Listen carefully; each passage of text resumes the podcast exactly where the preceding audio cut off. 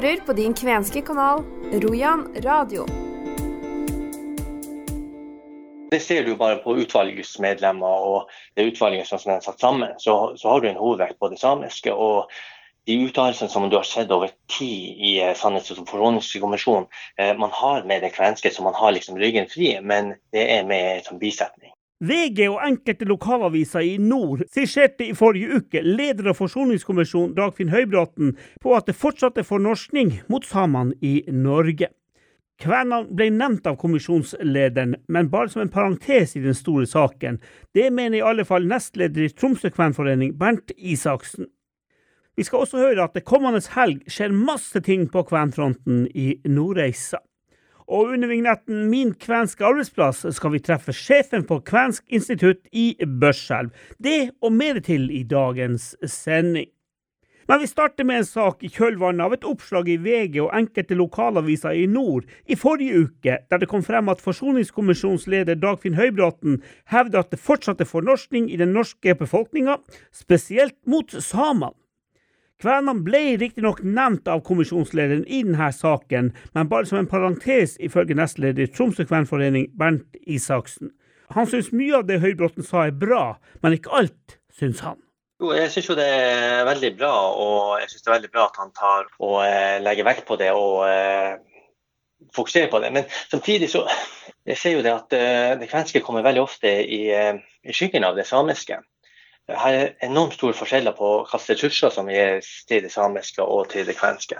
F.eks. det eh, samiske de har 1200 millioner kroner til å styrke det eh, samiske kultur, bl.a. Og det er mye. Eh, det kvenske har ca. 10 millioner. Og det er en stor forskjell. Kvenske kulturminner har ikke det samme vernet som man har. Jeg har òg jobba innenfor med tilbakemeldinger til i forbindelse med læreplanen som nå da er, satt i verket i skoleverket, med høringsinnspill. og det der jobber vi med at vi skulle få det kvenske med også inn i bl.a. samfunnsfag eh, og, alle andre områder. der Det kvenske er kun med som en bisetning eh, i veldig mange rapporter. og eh, Jeg opplever det at det er generelt sett liten politisk vilje til å løfte, altså med, komme med et reelt løfte for det kvenske, og for å få berga bl.a. kvensk språk. Sånn at på mange måter positivt, ja, men samtidig så opplever jeg at veldig ofte at det kvenske blir tatt med i, som en liten parentes. Eh, og eh, jeg skulle ønske det at det kommer litt mer eh, fokus på at den kvenske fornorskninga, eller fornorskninga for det kvenske, den pågår stadig. Den pågår enda med tanke på at kvenske kulturminner eh, blir ikke tatt på. Og eh, det er litt sånn trasig å se på. Det du sier egentlig, er at samisk har fått veldig stort fortrinn også i Forsoningskommisjonen sitt arbeid? Ja, og det ser du bare på utvalgsmedlemmer og det utvalget som er satt sammen. Så, så har du en hovedvekt på det samiske. og de uttalelsene som du har sett over tid i eh, Sannhets- og forsoningskommisjonen, eh, man har med det kvenske, så man har liksom ryggen fri, men det er med som bisetning. Ja, Du er ikke redd for at eh, det er bare media som har vinkla på det samiske for at det er mer spennende enn det kvenske? Det tenker jeg ikke, men bare for å være veldig klar. Det samiske har behov for en revitalisering, de har behov for midler, de har behov for vern. Og, og. Så, jeg, så jeg er ikke imot det på noen som helst måte. Og jeg syns det er svært positivt. Jeg har bodd i Karasjok i 17 år også, og jeg ser at det er behov så, sånn sett for det. Men det river litt, litt i mitt hjerte, og jeg smågråter litt eh, over at det, det kvenske eh, blir underkommunisert og ikke anerkjent. Vi har ikke fått en unnskyldning på noen som helst måte for den fornorskningstida som har vært. Den har vært veldig hard. Og eh, at man har ikke tatt et reelt oppgjør, og man ser at den fornorskinga skjer ennå. Sånn, eh, spesielt i forbindelse med kulturvern og språk, eh, bl.a. Man har ikke en forståelse, man har ikke en forståelse av historien ja, må bare si at det er litt for dårlig at, uh, at det kvenske er med som en liten parentes i uh, Sannhets- og forsoningskonvensjonen. Der er jeg veldig spent på rapporten som kommer. Hvor stor plass får det kvenske? For det her, her er jo også snakk om politikk. Uh, og jeg frykter at det kvenske får litt for liten plass ut ifra størrelsen på minoriteten. Men det er ikke noe man vet, Bernt Isaksen, det er noe Nei. man frykter? Jeg frykter det. Ja. Altså, det er min personlige frykt. Sa altså Bernt Isaksen i Tromsø kvenforening, der han er nestleder. Kommisjonsrapporten den kommer ut i juni i dette året, så vi får vente å se. Kommende helg blir det mye å oppleve for den som bryr seg om det kvenske. I Nordreisa inviterer Nord-Troms museum til kvensk fotoutstilling, seminar om tvangsevakueringer og slektsforskerkurs med et særlig blikk på kvenske slekter. Vår i Nord-Troms, Pål Vegard Eriksen, han har snakka med Lise Brekmo ved museet. På eh, Halti er Nord-Troms museum lokalisert, i lag med bl.a. Halti kvenkultursenter og Halti nasjonalparksenter. Og som formidlingsenhet så gjør de uh, ulike typer arrangementer i løpet av året rundt i hele regionen. Lise Brekmo, du jobber på Nord-Troms museum, og uh, i februar så har dere ting gående. Har du lyst til å si litt om hva dere skal gjøre 10. februar? Vi har jo en kjempespennende helg foran oss. Uh, 10. februar så braker det løs med utstillingsåpning for Bente Nordhagen sin fotoutstilling, som har fått tittelen Get Get Imailma, som betyr en skjult verden. Det er jo en utstilling som har besøkt Nordreisa før, i forbindelse med Baskevikko, men da på, på Kålen i Kildahl. Uh, og nå skal vi flytte den inn på Halti. Det er en del nye bilder. Så vi ser jo veldig fram til det. Og Bente er jo en kjempedyktig fotograf. Og forteller ting fra sitt uh, ståsted om hvordan det oppleves å oppdage at du er kven når du ikke visste om det allerede. Og hennes bilde gir et annet blikk og gode refleksjoner for alle, tror jeg, som ser utstillinga. Mm. Og så fortsetter jo eh, det med et seminar om tvangsevakueringer og kilder til det, også med et Nord-Troms perspektiv med Per Christian Olsen, journalist og forfatter, Sigbjørn Elvebakken, som har forska på Oksjord, og hans familie da om tvangsevakueringer, og Bente Nordhagen igjen, da, som skal fortelle litt om det, og filmvisning. Så veldig travel fredagskveld på Nord-Troms museum og på Alltid. Hva er det slags film dere skal vise, da? Da er det en kortdokumentar eh, som heter 'Vi evakuerer ikke'. Og det er huleboerne i Jøkkelfjord og deres fortellinger, og basert på dem som da unndro uh, seg evakueringa i 1944 og, og, bestemte seg for å, å gjemme seg under uh, å si, båter og, og i, i, plasser som lå langt unna, der de tenkte at de var trygge for okkupasjonsmakten. Um, så det er en film som jeg har lagd i lag med Kristin Nikolaisen. Uh, der vi, tar, uh, vi intervjuer tidsvitner, og vi har også et tidsvitne med tilbake på plassen der de gjemte seg. Så kort dokumentar på en halv time, men fine fortellinger, og nye fortellinger, det også. Tror du at uh, tvangsevakueringa er relevant for kvener i dag? Det var jo noen kvener også som ble evakuert. Ja, det var det jo helt klart. Uh, jeg tenker jo at det der tvangsevakueringa er jo et tidsskille som for bestandig kommer til å stå for kvener og, og nordtromsinger generelt, det der med at vi mista så utrolig mye av vår fysiske kulturarv. Og livet etterpå ble så annerledes at, eh, at det fornorskninga kanskje ikke hadde helt klart. Det klarte nok mye av nedbrenninga også, å gi bo, grobunn for å kanskje eh, bygge en ny identitet som var mye mer norsk, eh, og majoritetsidentitet etter krigen. Og så ser vi at det kommer nye fortellinger hele tida. Folk er ikke ferdig med å å fortelle, og så er det mange som, fort, som ikke har hørt. Kanskje òg. Vi får nye, nye, unge voksne som kommer til nå, som ikke hadde den tette kontakten med besteforeldre som hadde opplevd det her på kroppen. Så det er viktig at vi fortsetter å fortelle de, de historiene. Og det var fredagen, og på lørdagen så skal dere også ha et, et, arrangement her. Kan du si noe om det? Ja, da er det kurs i slektforskning. I, nå er jo eh, det seminaret på fredagskvelden i samarbeid med Slekt og Data Nord. Og det er også da det slektsforskerkurset som arrangeres på lørdag. Og da er det Laila Lanes og Bente Nordhagen som er kursinstruktører. Og det de har sagt, er at det er generelt kurs i slektforskning med et lite spesielt blikk på kvenske aner. Og det er jo kjempespennende, fordi det er jo en utfordring for mange å skulle begynne å forske på slekta si så fort de flytter de befinner seg utenfor landets grenser, og, og hvordan man finner kilder der. Så, så da er det det er bare fem plasser igjen. Påmeldingsfrist 2.2.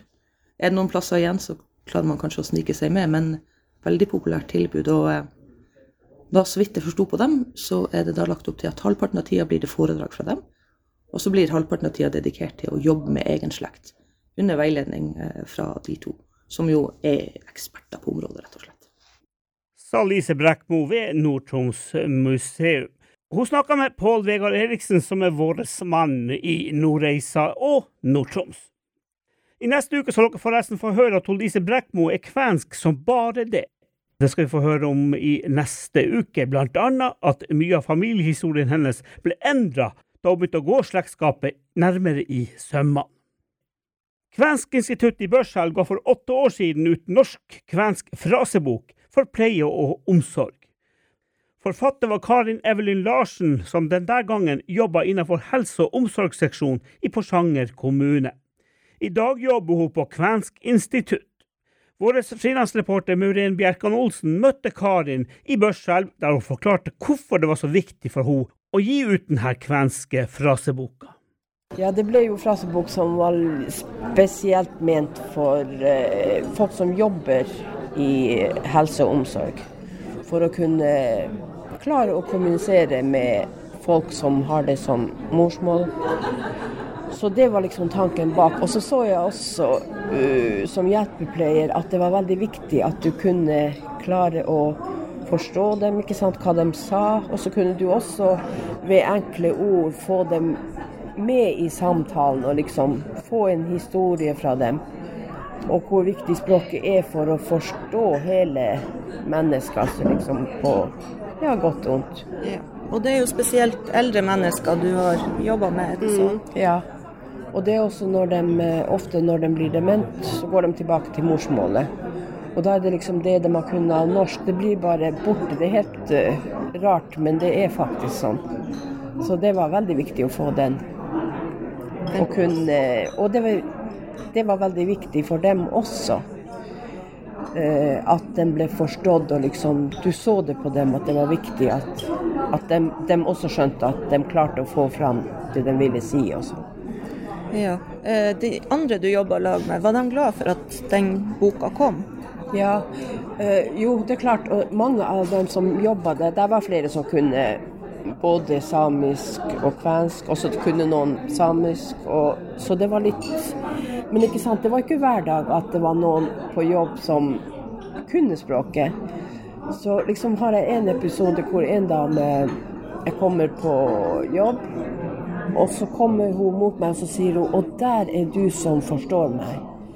Og da var det det at hun hadde ikke klart å gjøre rede for hva hun egentlig mente, og hvor hun hadde vondt. Og da kunne hun si det. Så det var bare så enkelt. At hun ikke fikk sagt akkurat hva det var. Og når det var gjort, så var alt helt greit. Ja, det er klart. Ja, Det er jo viktig å få gjort seg forstått. ja det er jo det. Ja, at det blir en kommunikasjon som går begge veier. Ja. så ingen må gjette hele tida hva Ja. Mm. Men eh, absolutt det vakreste jeg har opplevd, og det kommer jeg aldri til å glemme, det er eh, Jeg har vokst opp med trespråk. Og samisk har liksom vært eh, Den har vært liksom i harddisken. Jeg har liksom aldri uh, måttet prate det noe særlig. Men når jeg begynte på aldershjemmet, så begynte jeg å ta opp igjen det der. Og det er klart at det var en lang lærevei, for det var masse ord som ikke du fant, så du kunne f.eks. si tre ord, og det var på norsk, samisk og, og kvensk. Og da var det en dame som sa til meg på samisk at. At det gjør ikke noe, snakk bare fordi at eh, språket ødelegger ikke mennesket. Og det er noe av det vakreste som Og etter det så liksom var det veldig greit å kunne spørre hos dem hvis jeg mangla ord. ikke sant? Hva skal jeg si da? Og da Det var så fint. Og de ble jo også veldig stolte. Ja, Så anbefalinga er å bare gi seg i det og prate. ja da, fordi at eh, Som hun sa, at om du ikke uttaler det akkurat perfekt, så vil folk forstå det. Så ja. Det er jo sånn man lærer. Man er ikke perfekt i utdanning med en gang. Karin Evelyn Larsen hørte vi der i samtale med vår frilansreporter Maureen Bjerkan Olsen. Hvem er de som har sitt arbeid i det kvenske miljøet? I en serie her på Rojan radio setter vi søkelys på en rekke personer som til daglig jobber på en kvensk arbeidsplass. Spørsmålene er mange, men den røde tråden er hvordan trives de, hvilke utfordringer har de, og hvordan ser de på den kvenske framtida? Det og mange flere spørsmål setter vi søkelys på i denne serien. Vi fortsetter vår serie for å få vite mer om de her menneskene som jobber på en kvensk arbeidsplass. Jeg har eh, besøkt mange av dem som gjør det, og i dag fortsetter jeg serien i Børselv. Jeg heter Hilde Skanke. Jeg er daglig leder ved Kvensk institutt, og har vært det siden 2011. Hvordan at du ble daglig leder ved Kvensk institutt? Det var egentlig en helt tilfeldighet. Det ble lyst ledig eh, daglig lederstilling eh, da Silja skulle slutte. Eh, og da hadde jeg allerede vært inne noen måneder i, i noen prosentstilling for å, for å hjelpe til i administrasjonen. Egentlig så jobba jeg på butikken. Ok, Så du gikk fra Coop til Kvensk institutt? Ja, jeg og en venninne vi kjøpte Eriksen og Vik eh, i sin tid. Eh, som vi da solgte til Porsanger samvirke. Eh, så jeg kom jo fra Coop og hit. Det var en overgang? Det var en veldig overgang, og, og jeg var ikke sikker på om jeg hadde lyst på jobben en gang, for det, det er jo svære greier. ikke sant? Et nasjonalt senter altså for, for kvener.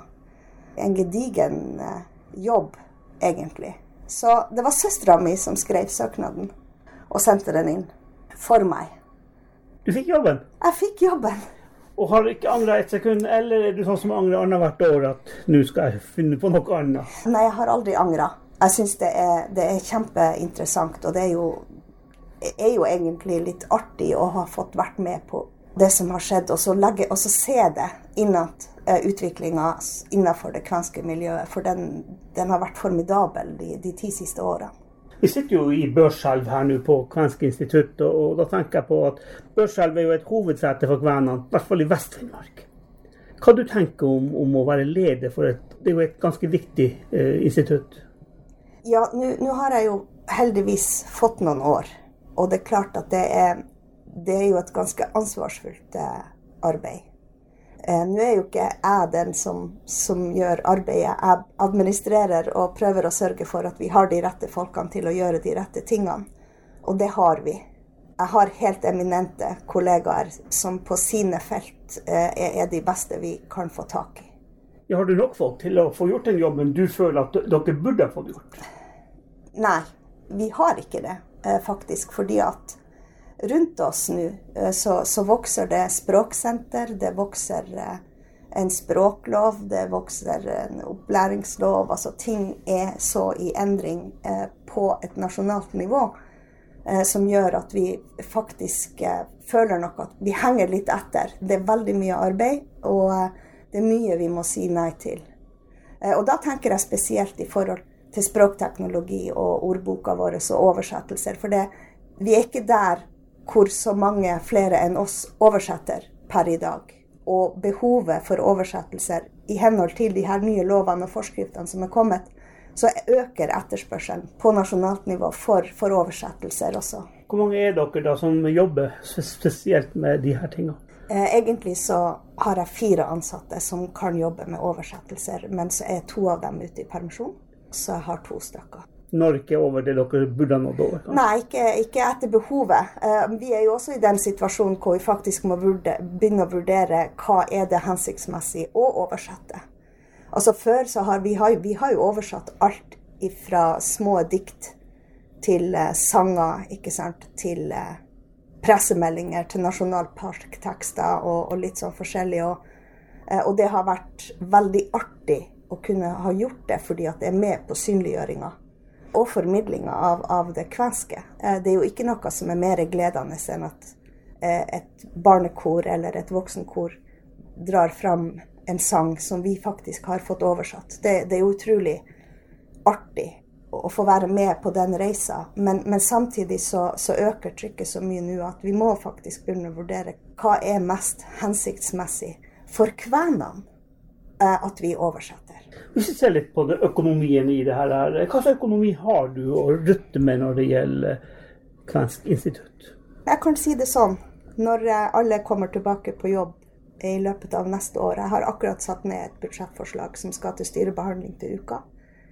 Og vi får 7,8 eh, millioner fra statsbudsjettet. Og lønnsbudsjettet mitt er på 6,7. Så da har dere rett og slett ikke penger? Dere, dere, har ikke nok penger, dere har akkurat nok til det her, men skal dere ut og reise og sånne her ting? Er det med i det budsjettet, eller? Ja, det, det er jo eh, Nei, nå snakker jeg jo bare om lønnsmidler. Ja, så budsjettet mitt eh, kommer til å legges fram med, med et overforbruk. Hvorfor gjør man det? Legger et overforbruk inn i budsjettet? Nei, altså Det er fordi at jeg ikke klarer å holde eh, kostnadene. Det, det er et veldig nøkternt budsjett. Når vi alle nå sammen er, er, i drift igjen fra neste år av, så, så har vi for lite penger. Uh, nå er det jo også mye sånn at mye av reisene vi gjør, er jo i prosjekt uh, som da kan brukes med prosjektmidler. ikke sant? Mm. Sånn at uh, det er ikke noe sånn at noen vil få nei, dit kan vi ikke fære. Men, men vi må selvfølgelig begynne å tenke oss litt om, om hvordan vi reiser. ja, Hvor mye penger burde du ha på et budsjett hvis du skulle sagt at OK, eh, vi får en fin drift i 2023?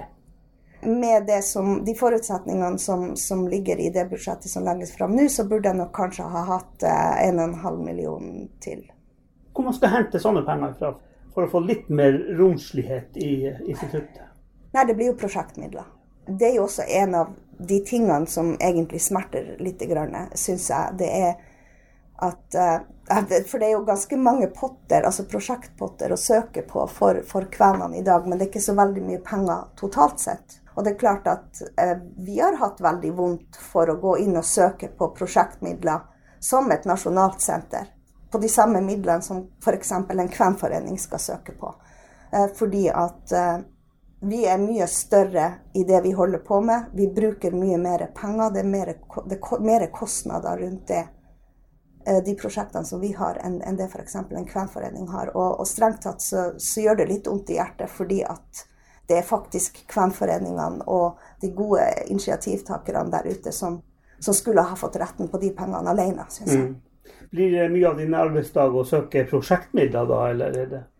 Nei, jeg, jeg, bruker ikke så veldig mye tid på det. Det er jo til språkreier i, i Nordreisa. Og, og, det er jo heldigvis en potte som vi får gjennom Utdanningsdirektoratet, som på en måte ikke Den går ikke utover noen andre, sånn sett. Jeg bruker ikke veldig mye tid på det, det gjør jeg ikke. Men, eh, men en to-tre prosjekter i året har vi nok.